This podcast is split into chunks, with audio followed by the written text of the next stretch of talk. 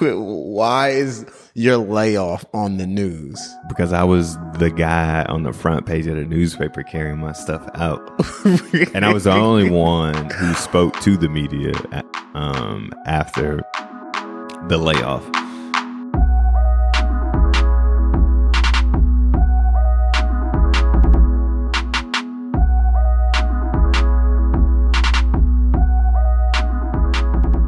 Yo, yo, yo. Check. This is 1111 Podcast. I am Juice. I have Chris Webley in front of me, owner of New Rules. Let's talk to him. I don't want to bracket you into that either. So tell him who you are. Like, where are you from?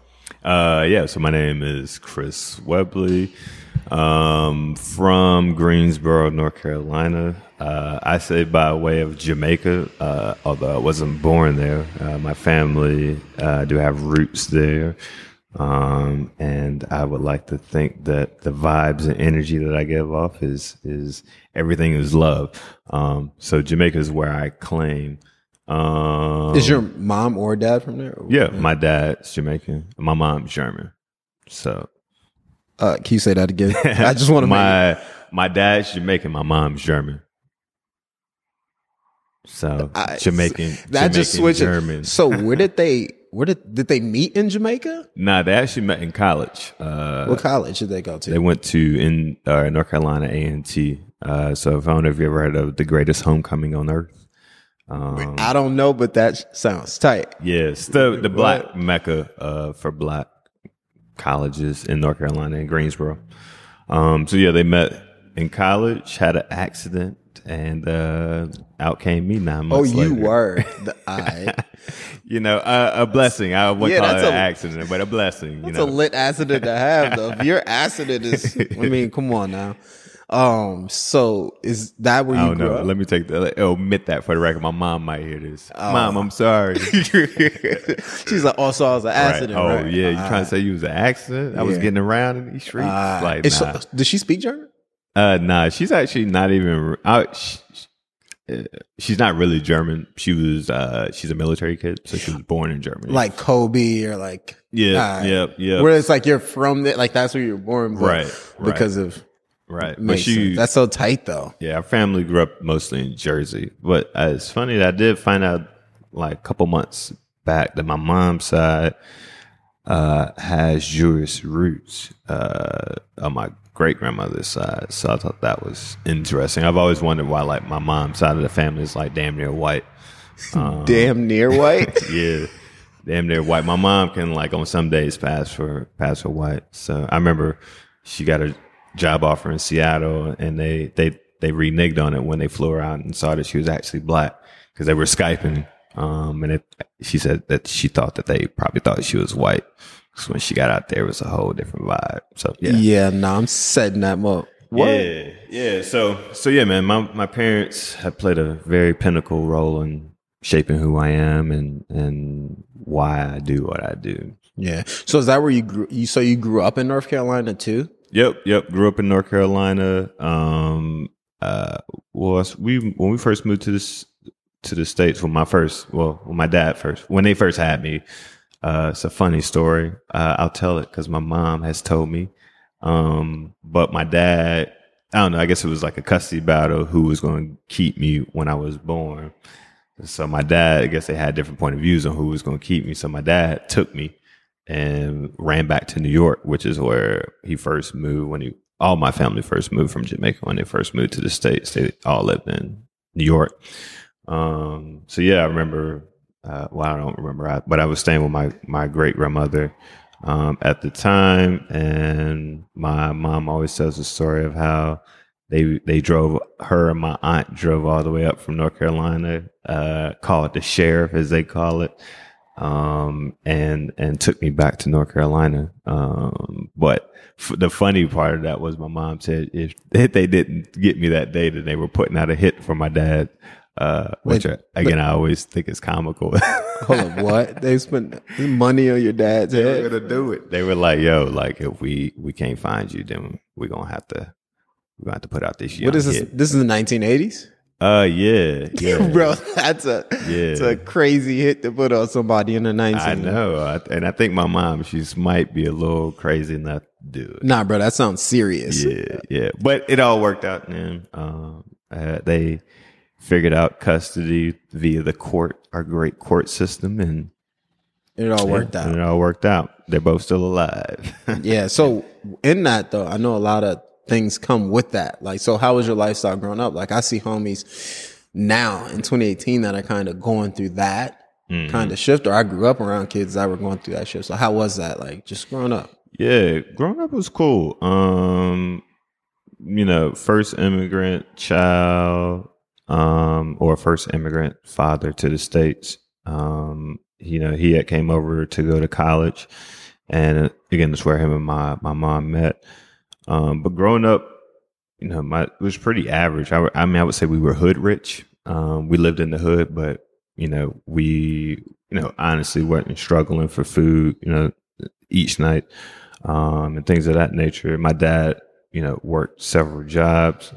We call it working like a Jamaican. You know, Jamaicans has two or three jobs. Then so, um, so yeah. Um, I grew up. You know, my dad always had his own business. Uh, he studied engineering in school.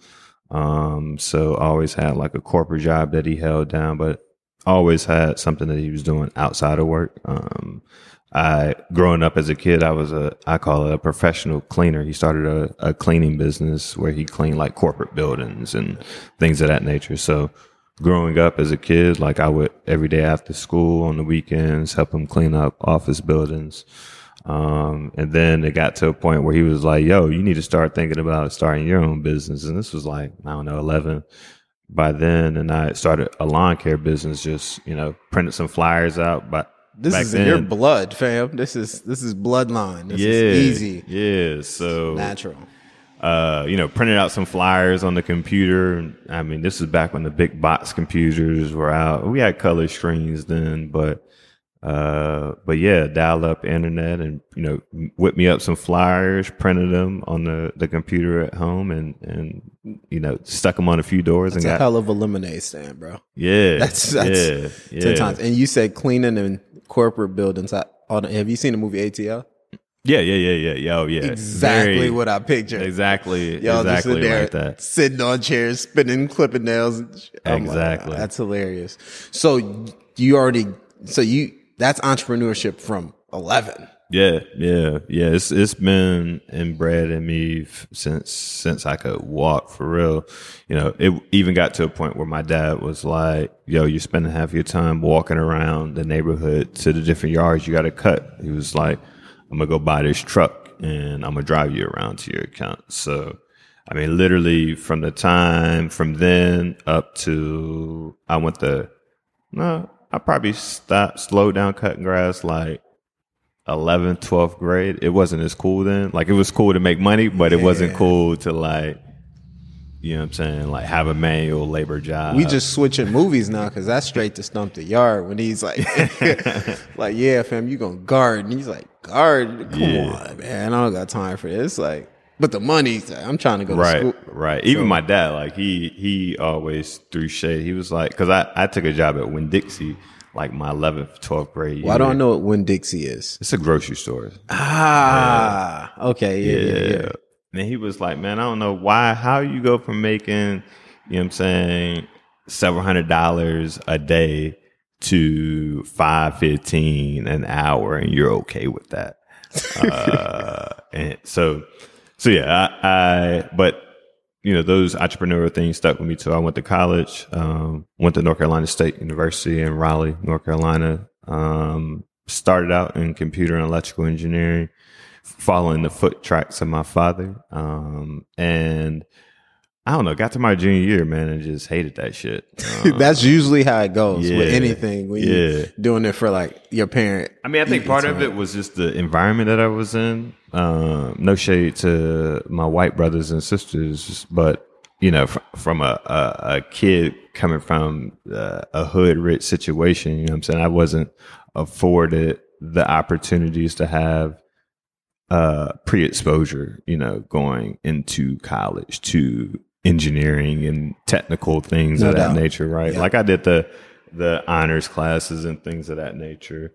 Um, but it really couldn't prepare you for the curriculum at a, you know, an institution like NC State, which happened to be at the time, which I think still is one of the top engineering schools in North Carolina. Um, so yeah, I, I hated it, um, primarily from the, the fact that, you know, it wasn't a lot of brothers and sisters who looked like me in that field, um, in my classes. Um, so naturally, um, I I made the switch. My it was a a, a defining moment. I, I, would say I was in a class taking a test in one of my 300 level engineering classes, and I went and asked the teacher. I was like, "Yo, I got this question." And he was he looked at me. He was like, "If you don't know the answer to that question, then how are you in this class?" And I just thought to myself, like, if I'm supposed to know the answer to this, then why the fuck is it on this test? You know? Uh, True.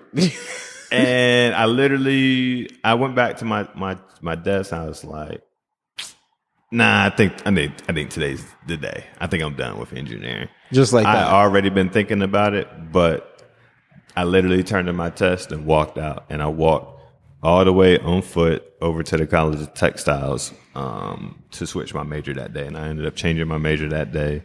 Um, I switched initially into fashion and apparel merchandising, which I didn't know what track of fashion I wanted to do. I just knew that I always had an interest in fashion, and it was always a way of self expression. Yeah. Um, and so yeah, when I originally transferred in, I started in merchandising. I spent maybe like a week, and I was like, man, there's too many, too many. Uh, it wasn't the the space that I needed to be in. I was more interested in like technical, the, still the engineering side, yeah. but um, so I ended up graduating with a degree in textile engineering, uh, with a minor in polymer color chemistry and medical textiles. Um, and yeah, took a job in New York, spent some time with Calvin Klein. Hold up, you just uh, slow down. Yeah. Let's slow down here. to let you know I was listening. You that that that happened. Two two. Oh. That let's let's slow it down. All right. Let's go back to you went to you went to New York. Mm-hmm. How did that happen? How did yeah. that opportunity even come? Um, it came like every opportunity has come from a career perspective, which is uh, a relationship. Um, I, uh, Ramona Dunlap, actually, who is my ex, who my, my who I was dating at the time, it was her aunt. Um, Who's Ramona Dunlap? She's my ex girlfriend's aunt. Um, but she worked in the fashion industry okay. in New York at Calvin Klein. Um, and when I switched my major, I was like, man, if I'm really going to have anybody take me seriously, switching my major in my, ju- you know, going into my senior year, I got to have some type of experience on my resume. Um, and what year was this? I changed it going into my senior year. So, I'm talking like literal. Oh, uh, 2000, I pledged what, 2008? So it would have been like 2009. You in a fraternity? Yep. All right. well, all right, let's just, uh, maybe we just gonna skip over that part. Yeah. Let's, all right. So this is, you said it's 2000 and 2008, 2009, 2008? somewhere up okay. in there. Um, so yeah, I, it, and it was actually an internship, a summer internship. Uh, uh, so yeah, I ended up, calling, just putting the feelers out to some friends. Ramona was one of them. She was like, "Hey, we got this internship opportunity. I think you'd be great for it, and it's paid, um, which was unheard of in New York at the time." Um, so uh, she passed my resume, had an interview. Next thing you know, I was in New York. Um, that was my first time ever living outside of the state. You know, ever living by myself as a human being away from my parents. I remember my dad vividly dropping me off with my stuff and he was like, well, son, I guess this is it. Uh, and the exact moment of being terrified as shit, you know what I'm saying, in Bushwick, getting dropped off in Bushwick, in Brooklyn. Bushwick. You know what I'm saying? And at the time, Bushwick wasn't what Bushwick is now. Um, but it was a, you know, one of the, the best, best summers I ever had, um, in, in my life, honestly. Um, So what was that experience like though? So you get to New York, you're by yourself, yeah, and you're working like Yeah, an so- internship, a paid internship with Calvin Klein, yeah, which at the time wasn't bad at all. It was popping. yeah, yeah. So Um, it was it was love, man. I I I got to meet a lot of family members who I hadn't met, um, who had lived in New York all this time. Um, on your dad's side, on my like, what you dad's side. Yep, got to meet um, a lot of folks in the city. A lot of those folks who are you know great friends to this day. You know who I see or stay with or hang out with when I'm back in the city. Um, but it taught me how to be independent, man. It taught me how to man up. Um, you know, the the city is one of those places where you can be eaten or you can eat.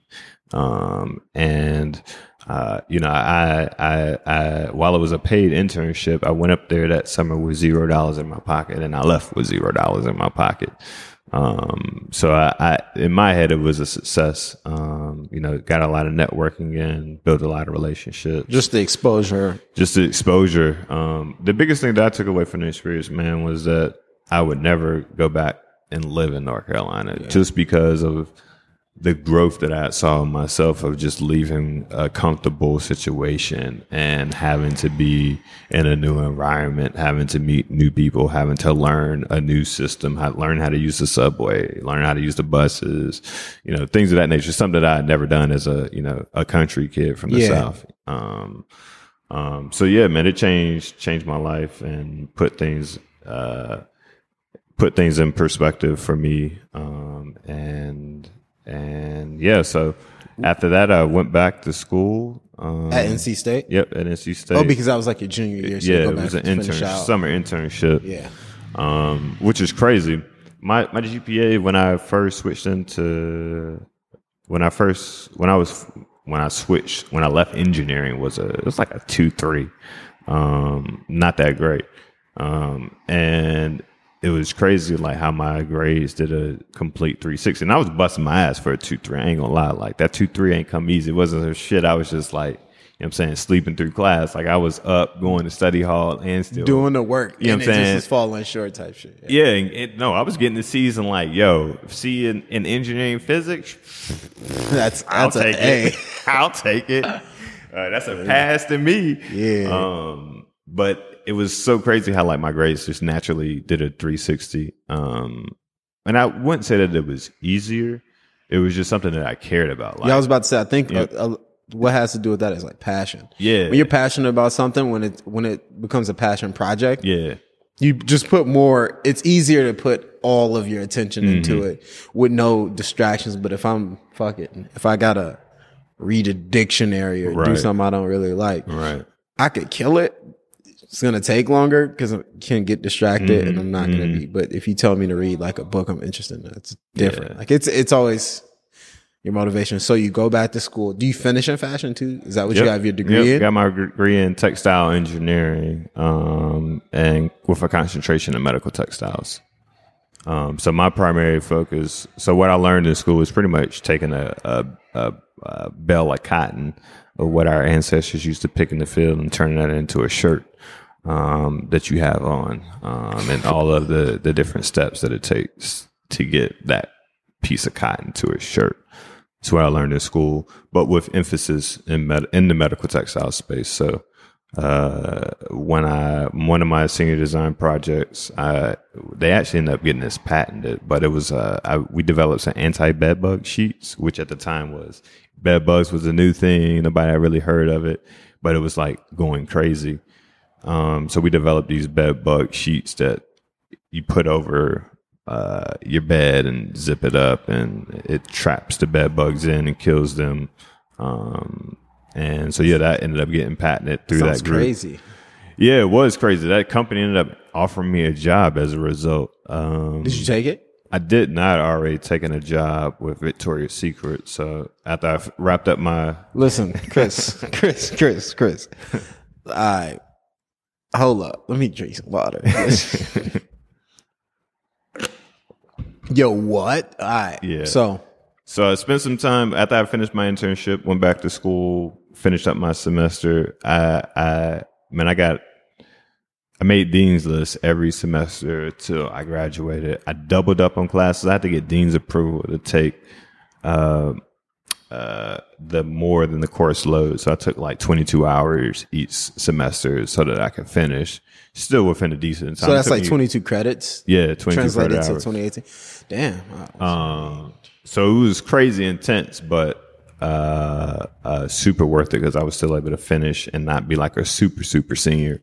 Which again, I wasn't doing it for for folks' perception of you know how long I was in school, but I think it was attributed to again like me walking in like what my passion is. Um, sort of that 360. So yeah, then uh, I graduated, and then after I graduated, I was uh, I got a job offer from uh, Victoria's Secret, which is in Columbus, Ohio, their headquarters office, uh, as a lab assistant. Um, So what do you do? What, what's the job as a lab assistant for Um, Victoria's Secrets? Yeah, so I pretty much worked on the quality control and performance team. So um, I was responsible for making sure that uh, the bras and panties and things that they were selling in their stores met certain quality standards. So, hey, we want to be able to wash the bra 25 times before you see any wear or tear. Um, we want to, you know, the bra to be comfortable. So here's a, you know, test method that we use for assessing comfortability. Um, so How yeah, long was- did you work for them? I spent a little over three years with them, which is really cool. Um, I actually got hired by a brother um, from NC State who graduated from the same program that I did, studied the exact same thing. Was he in your frat? Uh, no, he was not. Um, um, but yeah, um, it was really cool training under him because it was my first corporate job. And again, I'm still a brother from the hood, rich. Um, Yeah. You know, so I still, you know what I'm saying? Like working in the corporate sector with a bunch of white folks wasn't something that came natural, you know. And this is in this is this is your first ex, uh, exposure to Midwest too. I'm Yeah. Midwest, uh, Fortune 500 company, billion dollar company. Um, so it's one of those things where again you can get chewed up and spit out, or you can you can do the chewing. Um, so I was really grateful, honestly, um, that I had him as my first manager because he poured a lot into me, um, so much that you know after a year and a half, he ended up quitting um and and passed me the baton like set me up like i was a, i came in as an assistant he was a senior engineer um leaving and we were the only two engineers in the entire company who did what we did um so a two-man team um and he pretty much set me up to be the the the the, The point person. the point person like i when he left i was reporting straight into a senior vice president um, That's literally insane. had weekly touch bases with this senior vice president of lean manufacturing innovation, who again um, trusted me. Man, I was just a kid who had a vision. You know, uh, a lot of that entrepreneurial spirit I was able to, and even my Rob Smith, who was my manager, who I who I mentioned. Um, you know, even he noticed early on like my entrepreneurial traits and was like, "Yo, if this was your job, how would you fix things? Like, how would you make it more efficient? How would you save money? Um, and so naturally, like having that mentality coming in, that natural curiosity made the job more fun. That's such So- an important question. yeah, it did because, and I think it's so key because I talk to a lot of you know kids who are transition transitioning into corporate, um, who have that same mentality where it's like, yo, like this this shit is cool, but you know it's not what I want to do, and it's like I understand that, but there's a means to an end. It's like I I. I played the corporate card for as long as I did because I knew that it was putting me in a position to be able to do ultimately what I want to do and how I want to spend my time and we'll get to a little bit of that later in terms of that you know that that piece of sacrifice um, that comes with being in this in this light. Yeah. Um, So do you think the the Calvin Klein internship your junior year, do you think that kind of helped you or Oh, set you up? it was the only reason why I got the job. I mean, and they, it, my manager told me he was like, I wouldn't even you know looked at your resume had you not had the lingerie experience on your Yeah. resume. Um, and you know, honestly, a lot of these big brand retailers they only hire from like the best of the best. You know, it's not like you got big lots, you know, selling customers from uh, a Victoria's Secret. You know, it's like yeah. Target selling, you know, uh, employees from Victoria's Secret and, you know, Walmart still in, you know, Amazon's employees. You know, Yeah, so yeah. it's like the elite recruit from the elite. Um, so, and I didn't know that going into it. Um, so another thing that I just happened to luck out on or just being like super grateful that I landed a job with a, a Fortune 500 company, which gave me the opportunity to even be, be in the light to be considered for, you know, the Victoria's Secret job. I mean, either way, that's super big because a lot of cats don't really get an opportunity Yeah. to leave school into a job. Mm-hmm. You know, a lot of people have that waiting. Was there a wait period between Mm-hmm. graduation and that job? No, nah, I, uh, I actually accepted the offer before I graduated. So See, that's boss. Like that's that's that's that's people's. uh I know a lot of people that would hope for that kind Mm-hmm. of transition. You know, like yeah. that's what people hope for. That's what that's what's in the movies. Mm-hmm. To be honest, um, so you're at Victoria's Secrets three years later. What's that transition out of that? Like, how do you know it's it's it's over there? Like, Yeah.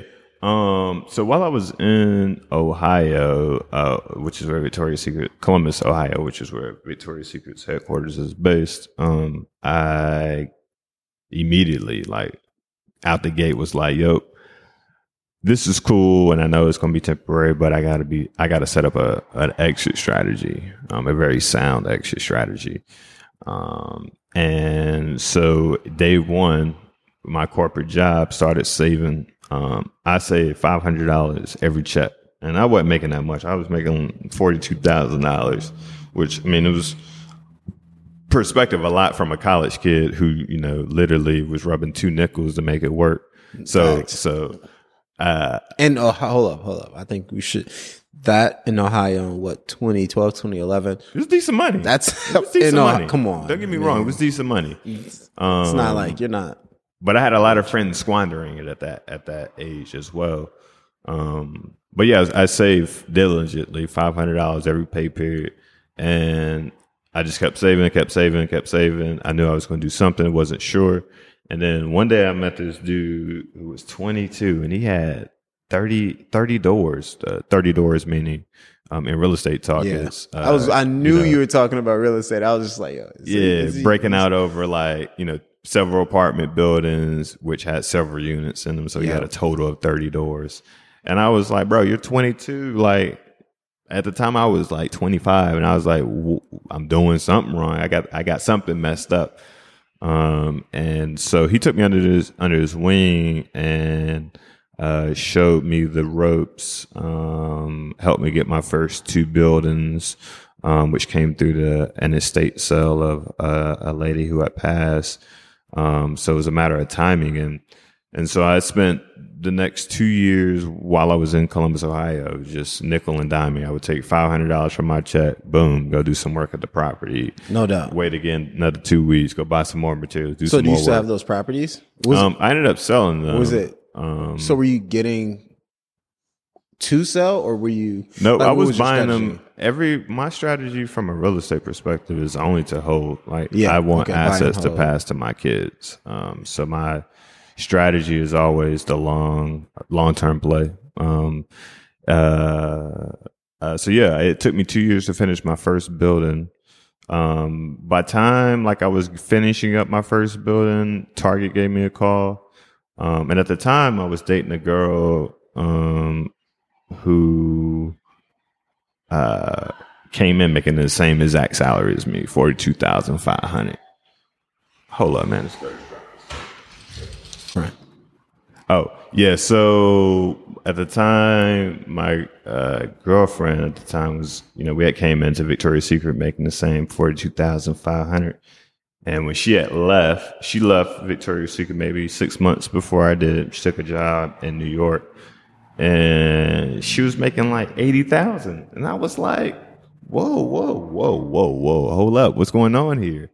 Um, I was like, we, we both had the same experience. How are you making now double what I'm making? Um, and she was like, easy. You're supposed to be blah, blah, blah, blah, blah, moving up, you know, incrementally this way.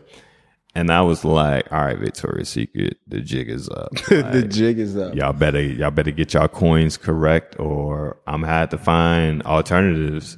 No doubt. um, and it just so happened that Target reached out like in that moment and uh and they made me an offer that I couldn't refuse. It was like literally like double my salary and two promotions. Um so I was like, no brainer, I'm So out. two promise promo- promotions like yeah. No, uh, like the position I was Oh, going so into damn. was two levels up from where I was Oh. at Victoria's Secret. And how old are you? You're what, like 26 at 25, 26, somewhere up in there.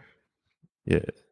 So 26. you get the opportunity to double. I know you took it. Oh, hell yeah. All right, that's what I thought. well, and yeah, and it was more so from the perspective of like I just needed money to finish up my projects, right? Like this little five hundred dollars a week every two weeks wasn't cutting it. And you know, in real estate, every day that you sitting on it, that it ain't making money, you losing money. Exactly. Um, so I wanted to stop the bleeding as soon as possible. So the the move to to take the job with Target was more financial.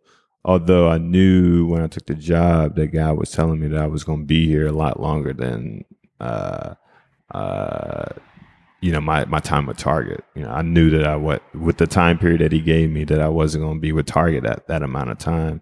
Um, so I knew there was something greater why he was calling me to Minneapolis. I just didn't know why at the time. No doubt. Um, so then I, I took the job with Target. Uh, didn't know where Minneapolis was. I ain't gonna lie to you. Um, I still don't know where it's at. yeah, and so I, I, uh, I flew out, uh, looked at some places, ended up finding an apartment in Uptown. Uh, Target moved all my stuff out. They came and packed it up, had movers pack it up for me. Man, unloaded it for me, put me up in corporate housing for a couple months, and I started my new life here in Minneapolis. Um, spent some time with Target, spent three years with them. Um, loved every second of it. It was really cool. Um, did a lot of cool projects and worked on some really neat product while I was there. Um, and then got laid off one day. Um, uh, I think this was what, 2013? What year is this? 18? Shit, I don't know. Yeah. Yeah, so what yeah, we're it's 2018. 2015, 2014, 2015, somewhere up in there. Um, and I'll never forget it, man. It was not not for what it was, like this traumatic experience, because that's definitely what like the news tried to paint. Um, Hold up, wait. I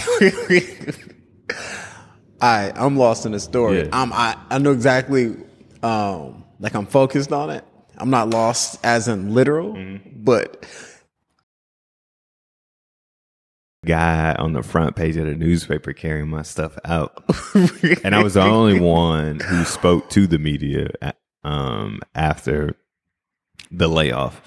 Um, and I don't know why I felt inclined to speak to the, the media. I think I, I was having a Kanye moment.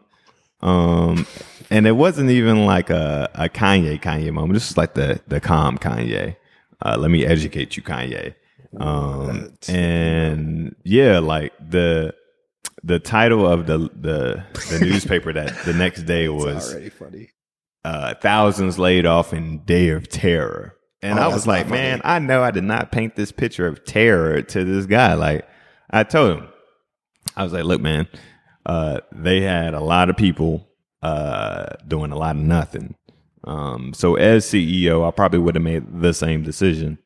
Um, furthermore, you know, uh, I'm going to land on my feet. You know what I'm saying? I'm not worried about, you know I'm saying, X, Y, and Z, whatever. A lot of my friends who are in the same situation, like, we're not worried. Like, this is just a stepping stone to what's next. Um, so I was really positive, really, really positive, like overtly positive. And that was like, Thousands laid off in the day of terror. so yeah, my man's like really took my message and spun it. And that was like my first interaction with media where I was like, oh, this is how y'all play. He's um, cold. as as media and press. You thought Allen Iverson had the crossover. Right, Yeah, right. all They hit you on Star Tribune Right. with terror. Whenever they, yeah, that's insane. So, right. So, you're in Minnesota. You're in Minneapolis. You're late. All right, let me just go back. What did you have in your box, bro? what did you have? Maybe it was some in your hand, and he was like, "Oh, tear." Was I took all of like my uh I, I had my yoga. I remember uh some like some dude commented on like the Star Tribune was like I don't know, it was online, like the publication. He was like, That dude's carrying out his yoga bag. So such a millennial uh with, with, his, with his yoga mat. Uh, Bro. but yeah, I had my yoga mat and then just some binders and stuff that I had, you know, in terms of like my textile education Yeah. books and things of that nature, things that I just naturally keep with me. Um, but yeah, it wasn't wasn't too much. It was a box full. My dad said never have more than a box full. Yeah. Uh, so yeah, uh, it was cool. I remember getting the, the email that morning. I, I, it was one of those layoffs where it was like it's gonna be 50-50. Like I remember like leaders like in Target like being like, yo, bro, it's literally 50-50. We're all on the chopping block, myself included. Um, and nobody's sure if they're gonna still have a job. And then that morning, I just knew I was gonna get. I, I just knew like it wasn't something that that like that I was optimistic. I was like, I know this is gonna be God's way of pushing me to do what Always. He's asking me to do. So when I got that that email that next morning, I went in. I took a couple shots before I went in. A couple shots. Your story's getting wilder and wilder. No wonder Yeah. they said terror. You smelled like Hennessy. Talking about you got Hennessy on your breath, a yoga mat, some binders. Talking about some. It was Jameson. It was Jameson. Jameson. definitely yeah, I know. Yeah. right, now the now the headlines.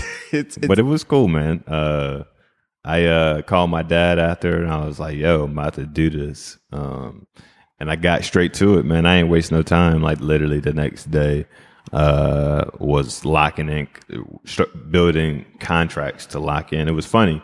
One of the guys who I have a yarn with that that I patented was he found me because of the layoff of he saw the terror. he saw the the the day of terror e- article and was like a textile engineer. Damn, that's just what I've been looking Did, for. hold up. Did you have the fro then? Did you have? Uh, it was you- the start of a fro. It You had the mini way. fro? You had I the Kobe mini, fro? I had, the, I had the mini fro in that phase where you where you where you look a little. Yeah, I'm already knowing. He saw it and was like, "That's the guy I need right there." Somebody find me him. Yeah. So, yeah. so is that the beginning of new rules, or is that just the beginning of Um, ideas? that was just the beginning of like figure out entrepreneurship, figuring things out. since the lawn business. Yeah. This is your first real dive back into it.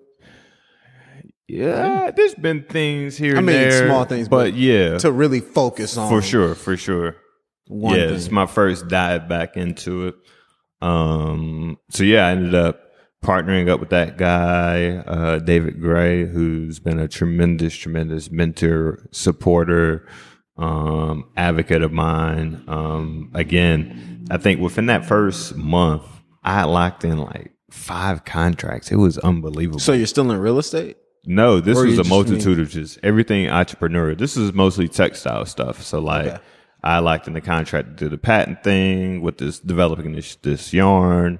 Uh, I got ended up landing a, a client in Chicago who had a fabric company and they were you know needing some fabric development assistance, things that I had done. Um, and so yeah, there was just so many people reaching out. Um, and so I locked in a few contracts that quickly like alleviated any financial like burden. Um, don't get me wrong, like it wasn't like cats out here with the same targets, cushy salary that I had, but it was enough for you to not really worry too much. You had a nice safety net built up from it. Um, it was Were a you smart? Were you safety net. financially smart? I was, Like, I was, yeah. So it, I've all. always been financially like Intelligent. You know what I'm saying? Frugal. I wouldn't even say Okay, intelligent. frugal, Like my goal every day when I wake up is to spend zero dollars, like in life. Like, No, that's my goal. I wish. I, I don't think there's a day I've woken up like, I'm gonna spend nothing. But if today. your goal is zero, then anything above that, I, I guess, isn't too too bad. Um, I, I'm literally even thinking about this morning, how much I was thinking about spending. I kid you not, waking up this morning. All right, I gotta change that. Yeah. I never thought I'm gonna, I'm gonna take your advice. Let's see how it works. Tomorrow morning is a new day. So you you have this nice, you know, you've been frugal. Mm-hmm. So you you're smart with your finances. you're starting entrepreneurship, which is it's like a perfect situation to be in to be frugal and be um into entrepreneurship. So how does that kind of mold into new rules? Yeah. Uh, seed money. Uh, uh, so all of the money that I compiled from having property, working on these contracts, things of that nature. So at this time, we're at the point of like one when I got laid off, I needed a place to live. I was like, I was back and forth. Like, am I going to leave? Am I going to go back to the East Coast? Am I going to stay here? And something like in the back of my head, like I was like, nah, nah, bro, it ain't, it ain't that time. But if you think you're about to leave, then go ahead and try it. So I, I actually interviewed with a few folks reluctantly, um, Urban Outfitters and Nike out in Portland, both at their headquarters That's office. total opposites. I love Nike. yeah, Urban Outfitters, some it, it gives me a headache to. But both of those They're good companies. I, I've heard Urban Yeah. Outfitters is an amazing company. I know Nike's a great company. Yeah. So why? Uh, What happened uh, with that? So I ended up turning down an offer with Nike, um, and After Urban. this- They were just so like unprofessional that it just that put the the taste in my mouth that I wasn't going back. Like it, if it wasn't anything that reaffirmed that I wasn't going back to corporate, it was my interview experience with Urban. Uh, Urban no shade to Urban Outfitters, because I hope to work for you guys one day, but just not in the professional. Not in that you know sense that you were not- doing then. Yeah, yeah, Not in that same capacity. yeah. Why did you turn down Nike? And did you take a couple shots at, at Jameson before before you? Uh, no, I did not. Not before the Nike interview. Um, Nike was actually quite freak. Um, you know, they always say the textile fashion industry is small. I didn't realize how small it was until I walked in and the guy, the whole team interviewing me. What I got interviewed by two folks that day. Uh, they were both uh, people that I worked with in previous lives at uh, Victoria's Secret. Um, That's so- insane. yeah. it was somewhat a w- walk in the park, um, which I think is probably what drove the offer. Is that people they obviously know my track record with working at Victoria's Secret. Um, but at that time, I hon- honestly already committed to buying this building, so I knew that I wasn't. This building, that's new rules. Yep. Um, so I knew that I wasn't taking a job. It was just more like, hey, a free trip to Portland. Facts. So Did you cop anything, or did you Yeah, wake no, up with the, the- Um, what happened to the zero mindset? Come on now, Huh? that same. I'm waking up and I'm spending nothing. Oh, or was well, it free they- merch? Because they do get. I remember. It's- that. Well, yeah. it's sixty percent off, so it's like pretty much free. So, Jesus, yeah. so the they beaver. take you to the employee store, and you can get whatever you want. So I got ended up actually getting some some uh, some pants. Was actually informed me for what I want to do with this future building, which we'll get to. But um, yeah.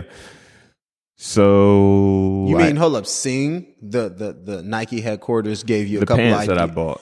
Oh, they- literally. I. th- Yeah. That's what I want to be clear on. Yeah, the pants that I bought, bought a they pair made on a on a specific type of machine that just amazed me. You know, like all this is capable. It's a 3D garment printer, so it's literally like 3D printing Oh yeah, yeah. I've in that efficiency, taking a whole cone of yarn and out coming out, you know, fully fashioned, customized shirt or jogger pant or sweater or blazer shit. I mean, you can make anything on it.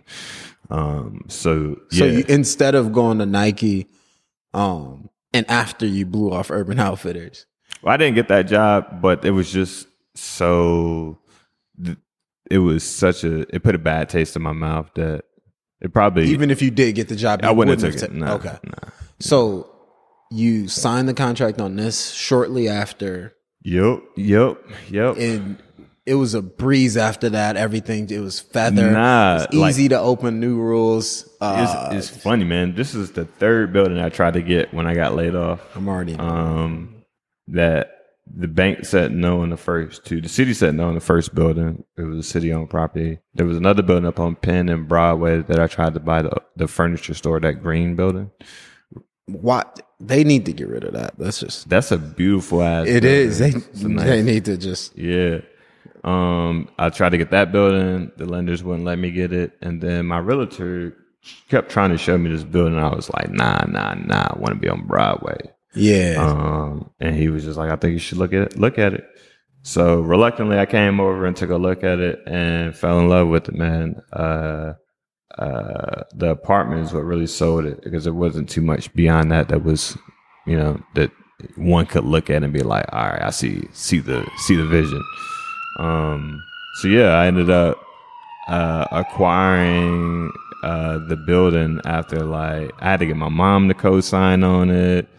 Uh, I had to put down a significant, like I was short. I, they, since this is a commercial building, they require a 20% down. yeah. Um, so you know, it was forty thousand dollars they wanted me to put down at closing. Um, and at the time, I didn't have forty thousand dollars laid around. Literally, like, got a loan. I think I got like three separate loans. You know, one from each of my parents, and then one from a homie um, to come up with the money for closing.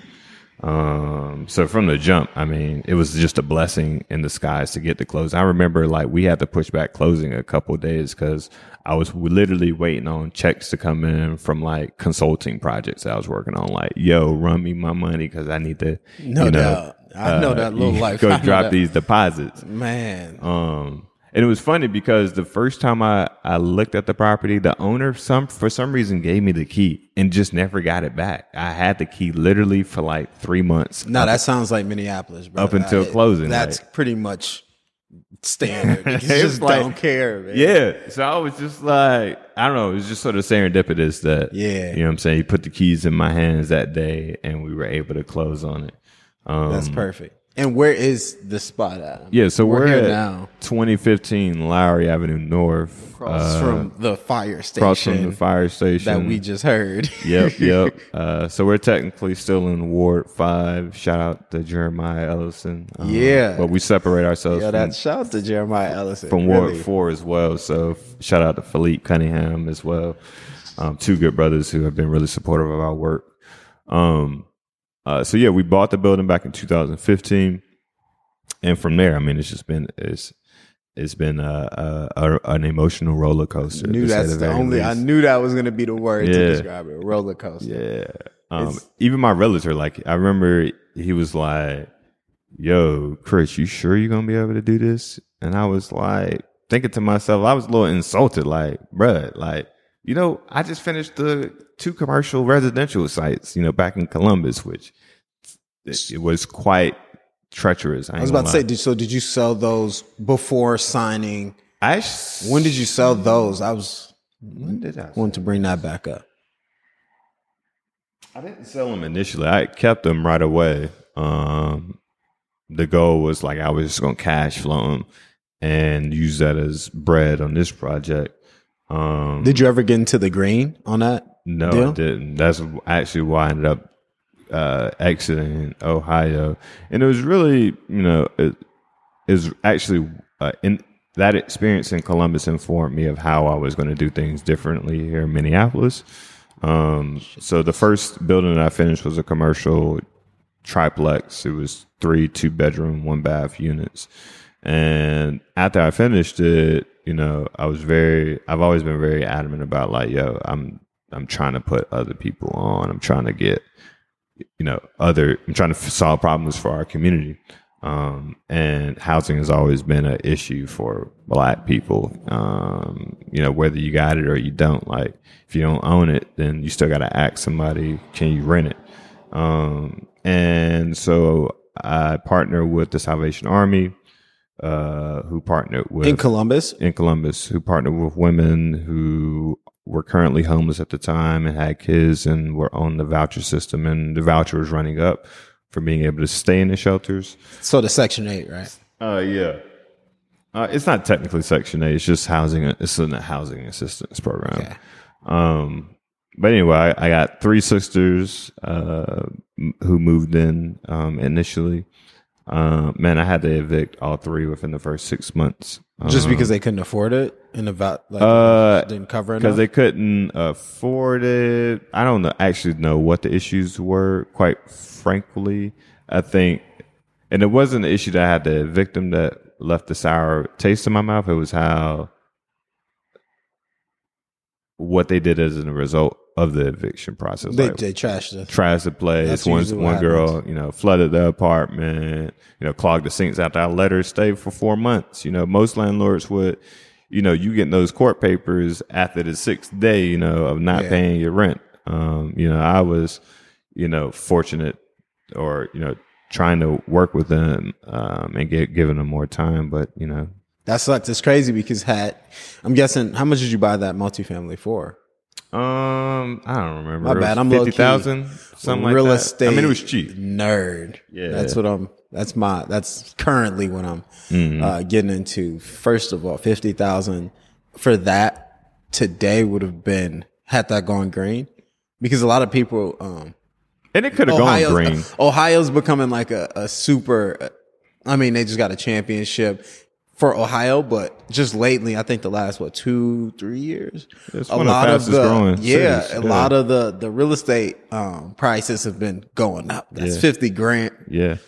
Yeah, no, I was salty that I sold because I was in a really good area next to a stadium that I just sold. Mm. Um, the guy who bought it for me was a big developer. He, I sold him both parcels actually. Um, uh, but yeah, I mean, it was one of those things where one, I was the the mistake that I made was one, I was managing it myself as a distant landlord. It's one thing I'll never do. Just get a property manager. Get a property manager, Easy. man. The- five percent is so worth it. Is it five percent in Ohio? That's 5%, bro. Not, that's, I think it's eight percent Yeah, here. it was nothing. Um, especially because like when I did when I did my taxes at the end of the year, obviously I go back and see where I'm spending my money, and I was I think it was costing me somewhere like seventeen percent to manage it myself. Once you factor in travel, lodging, evictions, lawyer fees, all of that, it was that's insane. yeah. I'm not, I could talk. I could talk about that all day. Yeah. So I'm gonna just switch it. So, all right, new rules um, is what it is today. It's beautiful property, um, house for a lot of artists, Mm-hmm, um, safe space too, especially in a community like this, which is definitely turning around. So it's like a perfect spot. Um, you have a new space. Talk about it. Yeah. What? How did that come into uh, fruition? I remember hearing about it. Yeah, well, first, quickly, I, I want to talk a little bit about this space because I think it, it gives purview, foundation to the next space. Okay. Um, um, so it took us two years to finish this building, 18 months to be exact. Me down here swinging a hammer for 18 months, literally didn't know how to do half of this stuff, like install storefront windows for the first time. Yeah. So, you put these garage doors in here? Yep. Yep. That's sick.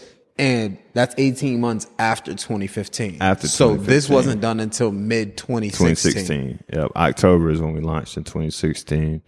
Um, and really back when we bought the building in 2015, we invited the community in to, to talk about what, what the issues are in the community, but really to focus on prototype solutions for how we wanted to see the space utilized. Most real estate developers, community developers, it's more of a formality these days to say that you talked to the community and got community input. And I honestly, the, the guy didn't know that this was like a, a process, a thing until I actually I got more into the real estate space. Like, oh, there's this checkbox thing where people actually do get input. I just got input because it sounded like a logical thing that you would do. Like, I'm moving into a neighborhood. They, yeah, it's all black people who look like me, but it's still foreign. Um, and so wanting to get community feedback just sounded like a natural thing to do. Um, so we got that, that feedback. I mean, the community picked out, they picked out the garage doors, quite frankly. That's Um, dope. You know, we talked about, do we want doors that slide to the left? Uh, you know, like bifold doors. Do we want garage doors? Do we want regular storefronts? Yeah. Um, and so all of the model down to the space and finishes have been co-created with the community. Um, Now, this is dope. and and you know, it took us 18 months. It didn't start out how you see it today, man. It started out with very I think the day we launched, uh, the floors were unfinished. There were no baseboards. Half the walls were not painted. They were still sort of patched and stucco. Um, and I remember just being like, yo, we're just going to launch. Like, I don't care about the space not being finished. Going back to my notion earlier, property that is vacant, that ain't occupied, ain't making money. Yeah. And so I was like, we need to get to making money. Um, so we started uh, with our first event being with uh, the University of Minnesota and Target. We did a fashion show uh, each year. Uh, we team up with those guys. You still team up with those? Yep, yep. Planning our third annual now, um, to where they teach kids, you know, the ins and out of design. The kids send their designs over to Target's manufacturers overseas. They send the fabric back. The kids cut and sew, do a fashion show here, and do a pop up, retail pop up. They do it in here? Yep, yep. And I literally remember the first event, man. Literally, we were putting in like the garage panes literally like two hours before they got in. And the garage doors wasn't functional. It was hot as fucking here that day. we all Man. baked. Um, but it was somewhat really nice. Like you could sort of see like the potential yeah. of of the building and and it's been an evolution since since then. Just like you said um, earlier, you know, Yeah. each time you come in it, it looks It a little different. Completely. Um, like everything. Even now, I told I was just in here what three weeks ago. Yeah. bro, it didn't look like this. But truth be told, this is the best looking, you know, building up and down Lowry. Mm. Up and down Lowry, for sure. I remember every building up and down Lowry. This is definitely the best looking one, inside and out. Thank you. Thank Which you. is- thank you. That was the goal. Yeah, That was the goal. like aesthetically, it works Yeah, for what yeah, it is. Like it, yeah. it, it looks dope. And that was intentional, man. I I remember when we were installing the storefronts, I literally other, you know, property owners in the neighborhood, white mostly, um, would stop by and be like, Can't believe you put in all that glass. They're just gonna shoot it out and bust it out. And Is I it was that crazy? And I was like, well, if that's the case, then we just gonna replace it. You know what I'm saying? Like, you know what I'm saying? It's, we're not, nobody's losing sleep over busted glass. Um, And have you had a, a broken window not one, since 2016? not one, um, thankfully. Since Um, opening, and I, I, the large testament to that, man, is honestly a lot of people who come in our space who you naturally would probably pass up on the streets or wouldn't pay any mind are actually people who help put this place together. You know what I'm saying? Like, I'm up here 2 a.m. in the morning, you know, demoing storefront windows, and two of the local homies, you know, he- helping carrying stuff back to the dumpsters and you That's know, important. dumping it in the dumpster. So, I mean, it was real cool to like have the- community engaged, even in the build process, um, because I think ultimately now, like, there's just a greater respect for the space. Like, to now where again, folks that you probably wouldn't assume would walk by and pick up trash on a pro- piece of property that ain't Let's theirs. all right, hold up. Let's just pause. Yeah. We were just recording and in some part of this recording, you're gonna hit like a, a pause or it's just gonna like skip. That was me pressing pause. Somebody dropped trash outside of the, the garage the garage door. Yo, Chris went out there, made him pick it up and throw it away just off the flies. All right, wait a minute. Keep press pause. I was like, all right, I should have recorded it, but I can see that's commitment. Like a lot of the, a lot of the, the people that move into neighborhoods that hmm. they're not natives to, hmm. they don't care about the space as much as a native would. Hmm. So I think that's very important for you to come in and respect not only your space, but respect the community enough to be like, Hey, listen, if you're going to be around here, act right, you know, um, don't litter. Yeah. I don't care if it's this block or the next. yeah.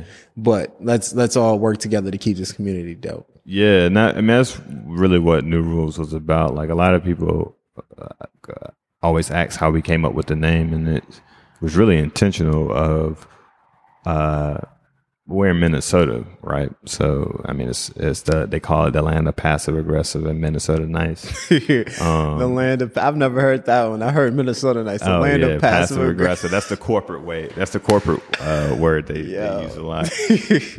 Um, and- Definitely the land of passive aggressiveness. Let's be clear. And I'm from the East Coast, right? So like we do things very differently. Like even if you know the the you know people don't mess with you, you know they'll be very uh, Direct. pers- direct, and like yo, like I don't I don't mess with you, bruh. And we can keep it moving, you know. Yeah. Whereas here it's, it's a little different. Oh hey, hey Chris. Yeah. How are you? I fucking hate Chris. Yeah, yeah. Um, so we developed a name to really uh, uh, stand for modeling new behaviors, man. Like we're we're not about you know breaking the rules. Although we will if we if if it's necessary. Um, uh, edit that out for the record. Actually, don't Uh, edit it I'm out. definitely not editing. cares? This is this is this is running straight through. I mean, because that's just the reality of it, man. Sometimes you gotta take risk, and like we know which rules to bend and which ones we know on are, now. are firm. you ever right? hear the saying, uh, "I'd rather ask for forgiveness than Yeah, approval"? it's like I'm Drake not about- said, "Don't don't don't ask for uh, permission, just ask forgiveness."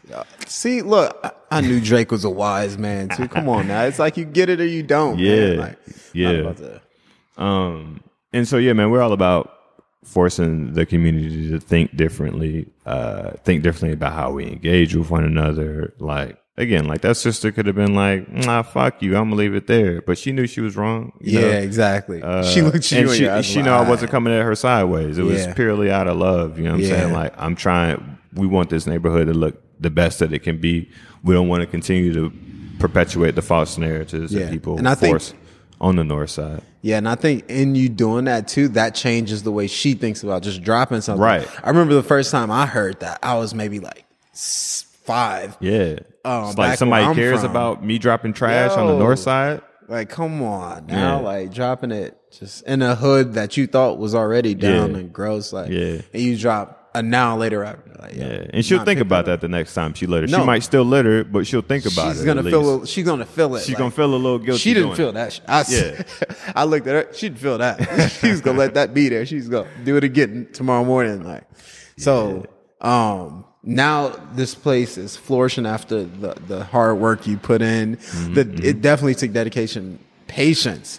18 months. That's, that's 18 months. And that's just grind. on the construction. and that's lack too. A lot of people don't don't um kind of see that. Like Mm-hmm. when you're spending 18 months in here, you're not spending 18 months doing something else Yep. with everything you have. Yep. So it's like hardships that come with that too. Yeah. S- But to see it come, you know, kind of in the fruition of, you know, your idea and now be preparing for another, Mm-hmm. another situation like that. Like, what's the mindset? Like, what mindset are you going into this new project with? Oh, before we get there, what is the new project? Yeah, um, so we just were awarded exclusive development rights to five parcels along Broadway. Uh, so the 927 building, which will be phase one of the project. And the 927 is the one, um, south of, uh, McDonald's, like right in front of McDonald's. Yep, yep. Um, so it's the one with Jackson Hewitt in it current. Well, used to have Jackson Hewitt in it. Um, so that would be the first phase, and then phase two will be the 1001 building, which is the building that's wrapped in vinyl right now, sort of look like a mural. Um, The Fed building. That's- Yep, I'm yeah. telling you, And it's a federal headquarter, man. phase three is the three vacant lots behind. Um, The the Jackson, the 927. yeah, bef- behind the 927 building. Um, so yeah, uh, it the this particular the 927 building is a joint venture uh, between us and two other partners. Okay. Um, one being the second largest black construction company here in the Twin Cities. Also, other another North Side based business, uh, Tri Construction, um, and the Phillips Foundation, the Jay and Rose Phillips Family Foundation, um, which is a foundation um, that has uh, historically um, it was founded by uh, Jay and Rose, um, uh, and they ran businesses along Plymouth Avenue and were really successful um, Northside natives. Um, and they've since, as of late, the foundation has made a commitment to move back to the neighborhood and only focus on projects happening in North Minneapolis. Um, and uh, they're also to a partner on the project. Um, so we'll be the lead developers on the project, which is a really fun and ex- terrifying at the same time. I was about to say it. yeah, Let's, let's talk it. it's Let's, a little let's get to the real terrifying. I mean, it's a it's a five million dollar build project. Um, between the three.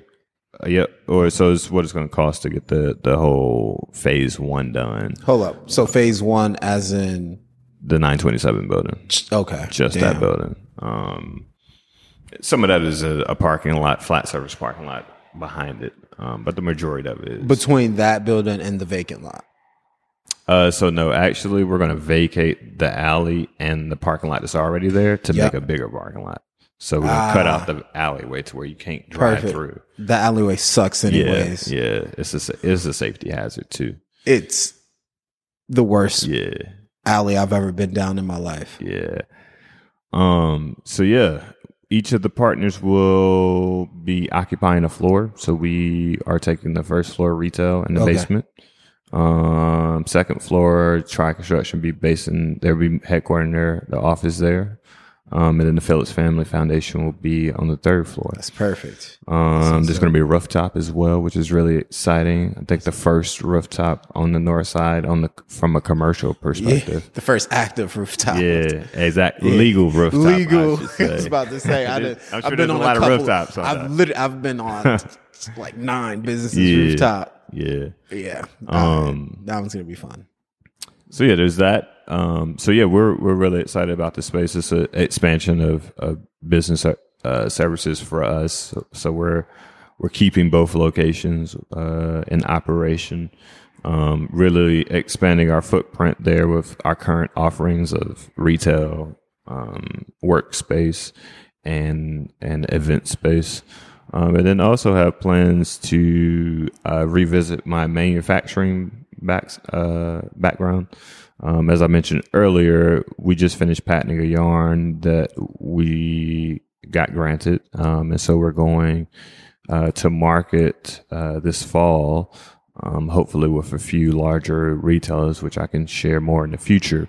Um, but right now, um, we're working with manufacturers who work with Lululemon, Nike, a lot of those guys, and they do express some really sincere interest. Um, and because we're a holder of the patent as well, um, we're going to use it in our own in the application. So we're going to use part of the facility for a rapid prototyping space. Our concept is really, uh, as from a real estate perspective, is uh, creating uh, ecosystems that help communities and people thrive and follow their passion. Ultimately, is uh, like when I started as an entrepreneur, uh, my goal, and I, no, I don't know that I've I, I've found my passion yet. I I still think it's helping people find their passion, which is really how I've built New Rules as an organization. Like, right, we need space before we can even talk about like what your passion is, um, because we need space to meet, we need space to hold events, we need space to sell our stuff. And if we don't own that, then we can always be asked to leave. And so ownership was really important to me when I started to think about how do I help people follow their passion using real estate as an anchor. Um, and you know, again, from a real estate development perspective, I would honestly love to just either develop spaces and sell them to other uh, folks who have skin in the game, or you know, for folks who aren't ready for that commitment, lease it to them. Um, and back when we started this, again, the community said, "Hey, Chris, we want a, a place where we can eat some healthy, culturally relevant food. We want a place where we can come and gain economic opportunities. We want a, a place where we can come and be black, um, and you know, host parties, host events, host pop ups, and we need a place to work out of." Um, so that's how this concept of how what lives in this space Yeah. um, got started. Um, and as we again think about this next building, a lot of the use of the space has been driven out of this need for economic opportunities. We are in one of the neighborhoods in the country with the largest economic education and health and wellness disparities for black people in comparison to other folks. Yeah. Um, and so a lot of like the work for the next building will be focused on creating economic economic opportunities for um, black and brown people. And uh, from a manufacturing perspective, because it is my background, I know that you know the average teenager or young adult isn't going to go work in a factory. You know, Definitely not. uh, but I might be interested in learning, you know, this cool software, 3D CAD software where I can then hit print and my garment, my design comes out Yeah. 20 minutes later. Yeah. I might be inclined to learn something like that. Um, and so really, uh, that's really the thought process. And again, the community hasn't necessarily asked for that, right? because they don't know that the technology exists. Yeah. Uh, what they have asked for is these economic opportunities, and so uh, where we go is like as an organization is like what do we know some of the regional trends we know that baby boomers are phasing out we know that manufacturing is slowing down on the us front as a result of baby boomers phasing out um, you know we know that STEM is a really big thing. So all these strategic regional priorities are informing us of what our business model, and in conjunction with business feedback, because the two have overlap. Yeah. Um, so yeah, uh, we're we're looking at some housing opportunities as well. We know that you know Is that what you're thinking about doing with the? yeah, with, with some of the other vacant parcels. Okay. Um, and then the other piece, quite frankly, is to put other people on. Like we're not trying to. We're we're we're not trying to hoard every property in North Minneapolis, which I think a lot of people think we're probably trying to do. Um, what we realize is that the the window to own and occupy buildings in North Minneapolis is going to come and go really quickly. Oh Um, yeah, people are definitely praying. And what what we know historically is that black our community is hasn't mobilized or it, I wouldn't even say mobilized. I think there's people ready to buy if they could buy. I just think we don't have the financial wherewithal, the financial capacity, the disposable income, quite frankly, to be in those positions. Or the knowledge to acquire. or the, the knowledge to acquire. Like, yo, like I mention it to homies on the streets all the time. Like, yo, dog, you know they selling dollar properties out here for a dollar. yeah. Everybody like, yo, bruh, how do I sign up? Like, How do I? show me the way, bro. Sign They you you playing. Um, and so thing they're doing that. A big part of our model as we continue to evolve will be to put other people on. Like it's it's like Dame Dash said, like I don't I don't get the the key and and hide it. You know what I'm saying? We we we find the keys and we we put other people on. Yeah. And so as we begin to learn how to navigate these systems, you know, we want to share that with our brothers and sisters who have the capacity and the interest to do and operate in these same spaces. Like new rules will never develop enough buildings on the north side to to to create a thriving north side for black and brown people. Like I know, like everybody else, know that we got to do this as a collaborative effort. Um, and so because we are in the position of privilege that we are in of somewhat being tokenized, right, of being being at the seat and having uh, a seat at the table, like we want to again utilize these future projects to pass ownership back to the community. Because again had we not nabbed all five of those parcels they would have been gone the next week to somebody who didn't look like us. Um, and you know from our vantage point our goal is again to find a you know is it a co-op that you know holds the properties um and you know we all have shares within the co-op is it that you know we develop it out and condo it out and each person has their own you know you want a retail unit and an apartment above it cool like there's So just helping everybody, making sure they have a lane. yeah They know how to get to the lane they want to go to. yeah No doubt. So Yeah. two things. I think it's it's definitely important to mention that um your original dream was to get a spot on Broadway. hmm And and you know, sometimes not always having that analysis paralysis situation where it's like, if I don't have this perfectly, I, I don't want it. It's this or nothing. Instead, you're like, you know what? No, this is a great property. Let me start here. Let me, and then having that same mindset, like, okay, 18 months later, it's not perfect, but fuck, like, let me start it. And for it to come full circle and now you have that spot on Broadway. How does that, how does that feel? When did that set in? it is quite serendipitous um actually uh, That's your word, isn't it? yeah serendipitous That's your, not, not like you made it up, but that's your word. Like, Yeah, That's, yeah. that's in your list of, Yeah. I bet. Um, and because I had just posted on my social media was that was the first building I ever walked in in North Minneapolis was the building on Broadway. It was just been for Why were been- you in this? Oh, like for to, sale. to see it. Oh yeah, yeah, been yeah. for sale yeah, that yeah, long. alright. Um, and I remember walking at the time. I was working with some other girls to create a similar concept, not quite the same, but more to gear towards retaining diverse talent who was moving here to the Twin Cities. Mm-hmm. And we had tick we had looked at that building, and it, we knew it was just more than we could chew. Um, Yeah. Um, and so yeah, man. Fast forward two years, three years later, um, and now you know we have exclusive development rights. is is is honestly humbling. Um, I'm gonna be honest with you, man, because a lot of times I ain't, I didn't. It was hard to see the light at the end of the tunnel, or to even think that you know that this building would get finished. I mean, shit, this building I ran out of money at, at least eleven times solidly. Like, and I ain't talking about like ran out of money was short a couple hundred dollars. Like talking ran out of money. I need to go borrow fifteen thousand for my mentor type Yeah, shit. You know what I'm saying? To get that storefront closed in so that, you know, birds wasn't living in it. Yeah. You know, type that type of stuff. Um, and so it's just been one of I think a testimony to the work. I think a lot of times, like in this space, I don't take time to sit back and reflect and be like, damn, like we actually got this building. Like yeah. I did that this past weekend, and it was, I I don't know, man. It It was back to work. It will almost bring you to tears, man. Quite frankly, to just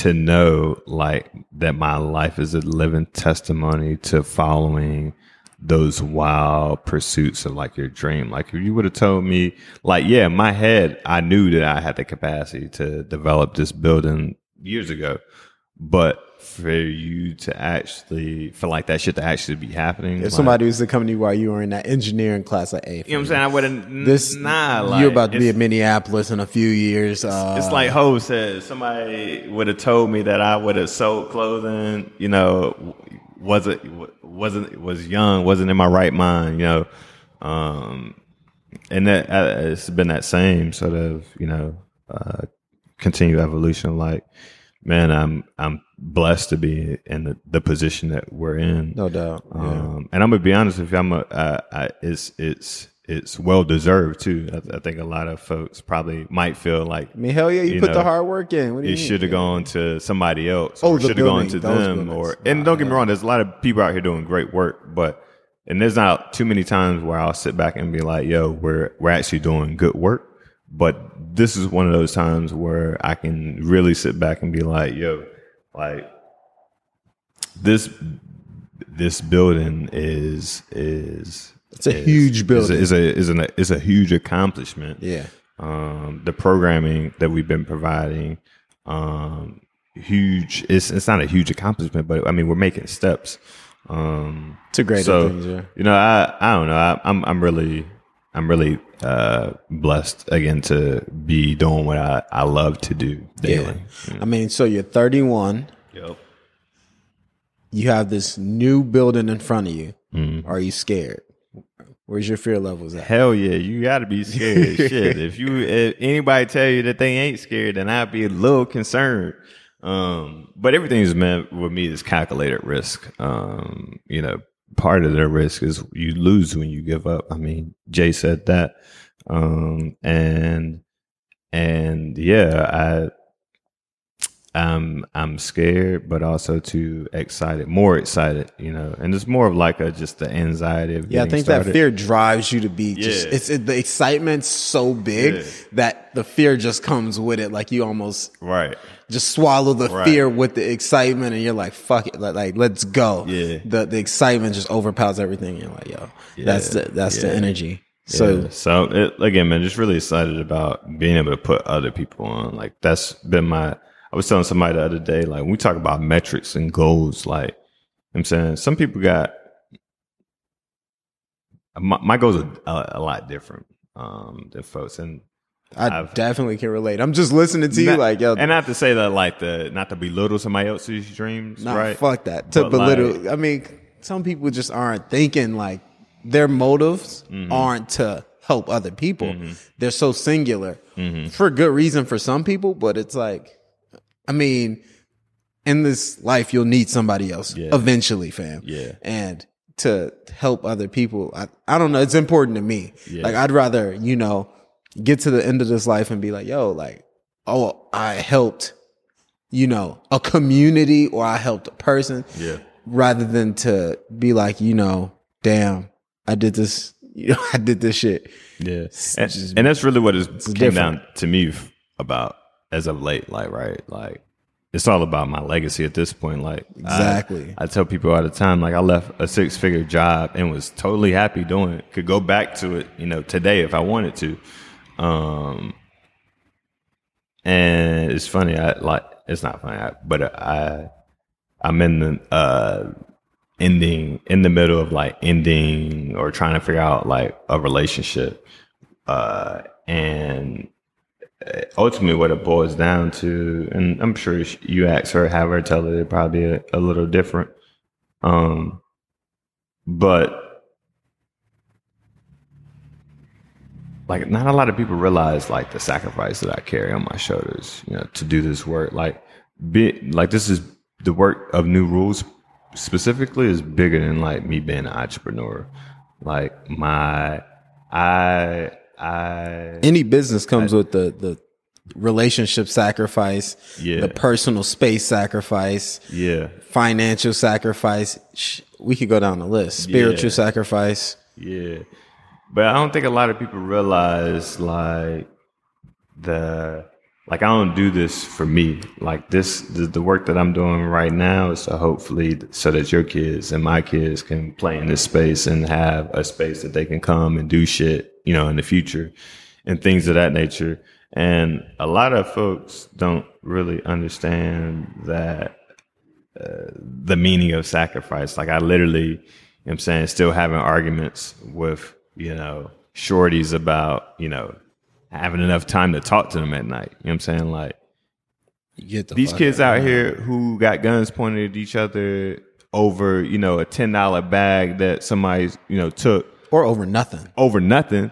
Literally they don't give a fuck about about about you wanting to talk to me at night. You know, At- they they're looking for answers today, and that's who I'm doing this work for. Is for the No. homies who who don't have a way out. Yeah. um, and oftentimes like I'm I wouldn't say ostracized, but like uh, like even my family, like I don't call home as much. You know, uh, you know, my ex would tell you that I'm a different person since becoming an entrepreneur, and it's just that my sense of urgency is different. Like I, I, I live this shit daily. I see kids come in my own space strapped, um, you know, and and if we are not seeing those activities happening and not feeling like we are obligated to responding to that, and and if it requires us being sacri- sacrificial, the sacrificial lamb, so that the little shorty ain't got to point that gun at his friend, No doubt. then that's just what we got to do. And, and I think the, the legacy will definitely.